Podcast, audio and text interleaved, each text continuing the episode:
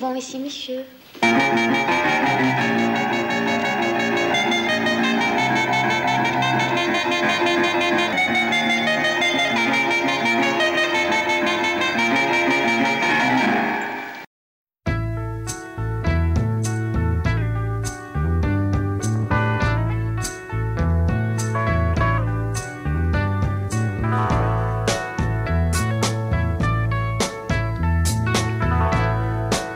But a song we sing, fears we will die.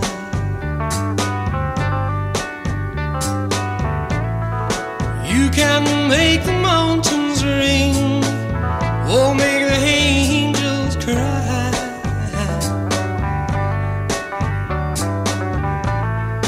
Though the bird is on the wing, and you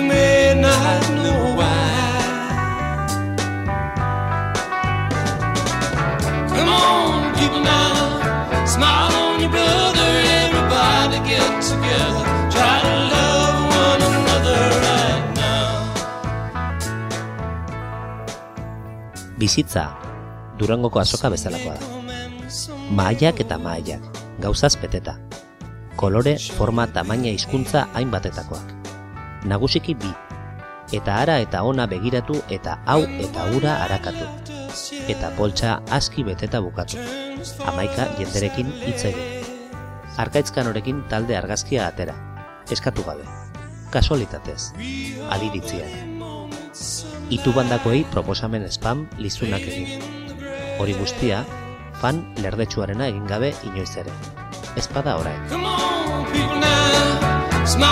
your brother. Everybody get together, try to love one another right now. Come on, people now, smile on your brother. Everybody get together, try to love one Ezkutatu geure buruari aurreko urteko batzuk oraindik irakurtzeko ditugula. Irakurtzeke, agian. Agurtu ere ez, beinola, aldarte durangarrean auskalo durango nala ez ezagutu eta solastatu ginen iruzpalau pertsona. Edo txiokinean bestela. Somorrotu, somorrotu gehiago, somorroagotu. Pertsonak eta liburuak, gu eta pertsonak, gu eta liburuak. Eta diskoak, kantuak ematen duten momentuak, aldarteak. Ez derrigor hau bezain ederrak, baina badutenak zer edo zer onena.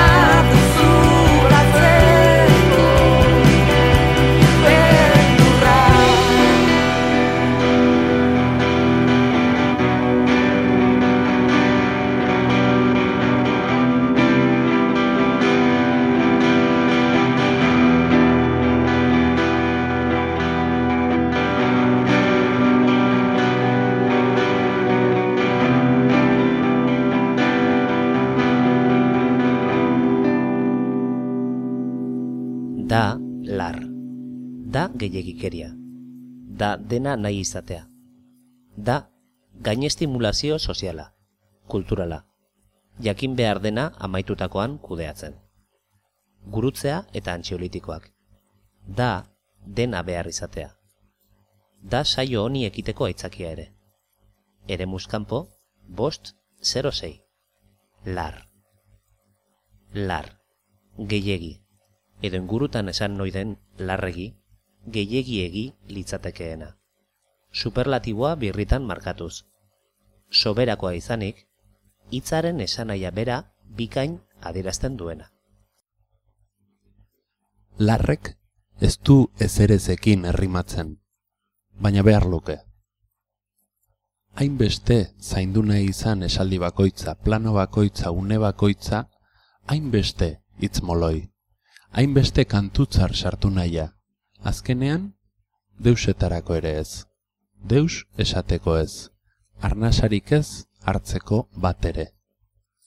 Deusez esateko, esaterako High Rise filmean.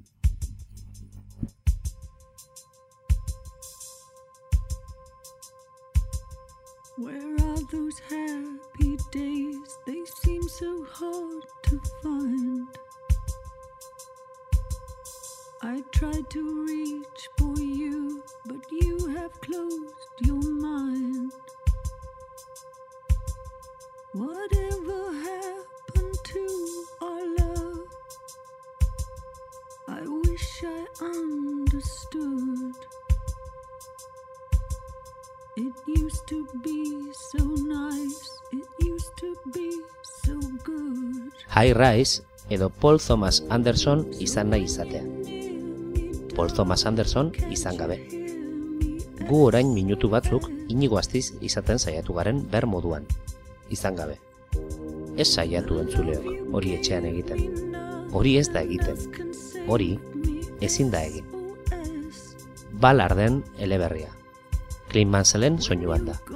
Portishead eta Kanen kantuak soinu bandan. Teknika izugarri menderatzen duen lantaldea, dirudienez. Ze atera liteke gaizki. Bada film erditik aurrera, hirugarren bideokliperako aspertzea, esatera. Eta hala gertatu zaigu. Etxe horratzari eta bertako auzokidei eurei eragiten dien deklibe irristatze derrapatze horrek berak hartzen duela filma. Volantearekin bidean eutxi guran, gogorreragin eta gehiegizko indarra egitearen ondorioz, bidea benetan galtzen denekoa bezala. Nork galtzen duen zer, ibilgailuak bidea edo bideak ibilgailua. Lehen kotxe esaten geniona, orain autoa badakizue. Autoa edo autua. Larregin eta gal. Aktoreak fin, guapo, dotore, basa. Baina ezin sinetx, edo sinez. Sineste zin, edo sineztasun. Aukeran nahiago zinexen. Dekadentzia ondo orkestratu eta erritmotxu horren baso erdoildu oian ustel horretan, asperra gora eta gora, etxe horratzen ambizioz jota edo. Ikusleari, begien azalean itxasten zaio pertsonaien destinuekiko desaxola. Agian hori da ideia noski, mespretsua irureun eta irurogei gradukoa izatea. Narda absolutuaren alegoria eraikitzea, non mundu guztiak mundu guztiari goragalea eragiten dion. Zer eta lar, larregi, gehiegi.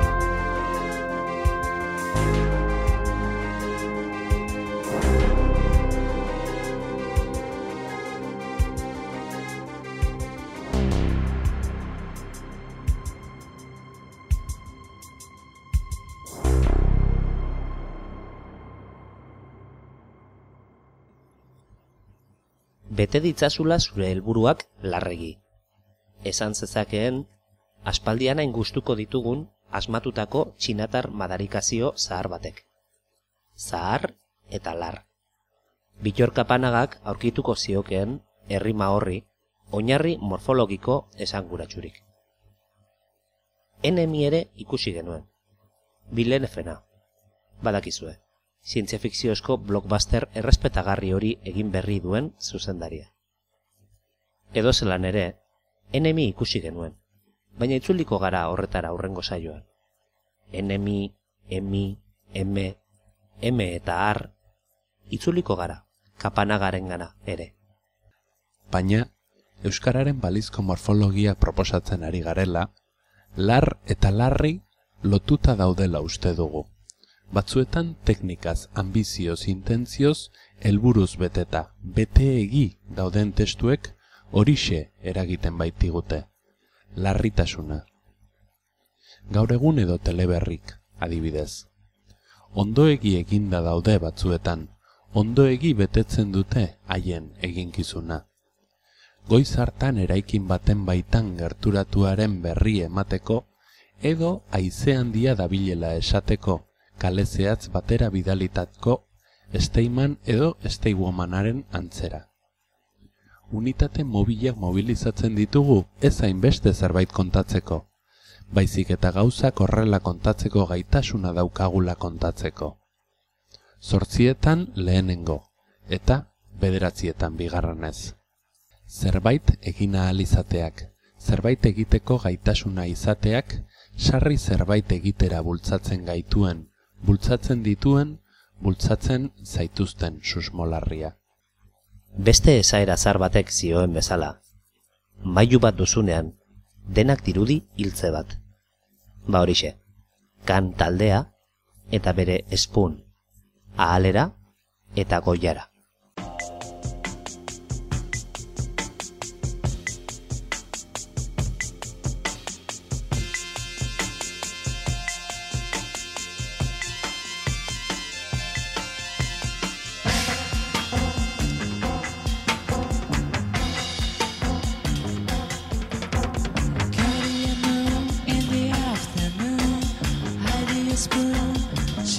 with your fork, speaks your joke, your life.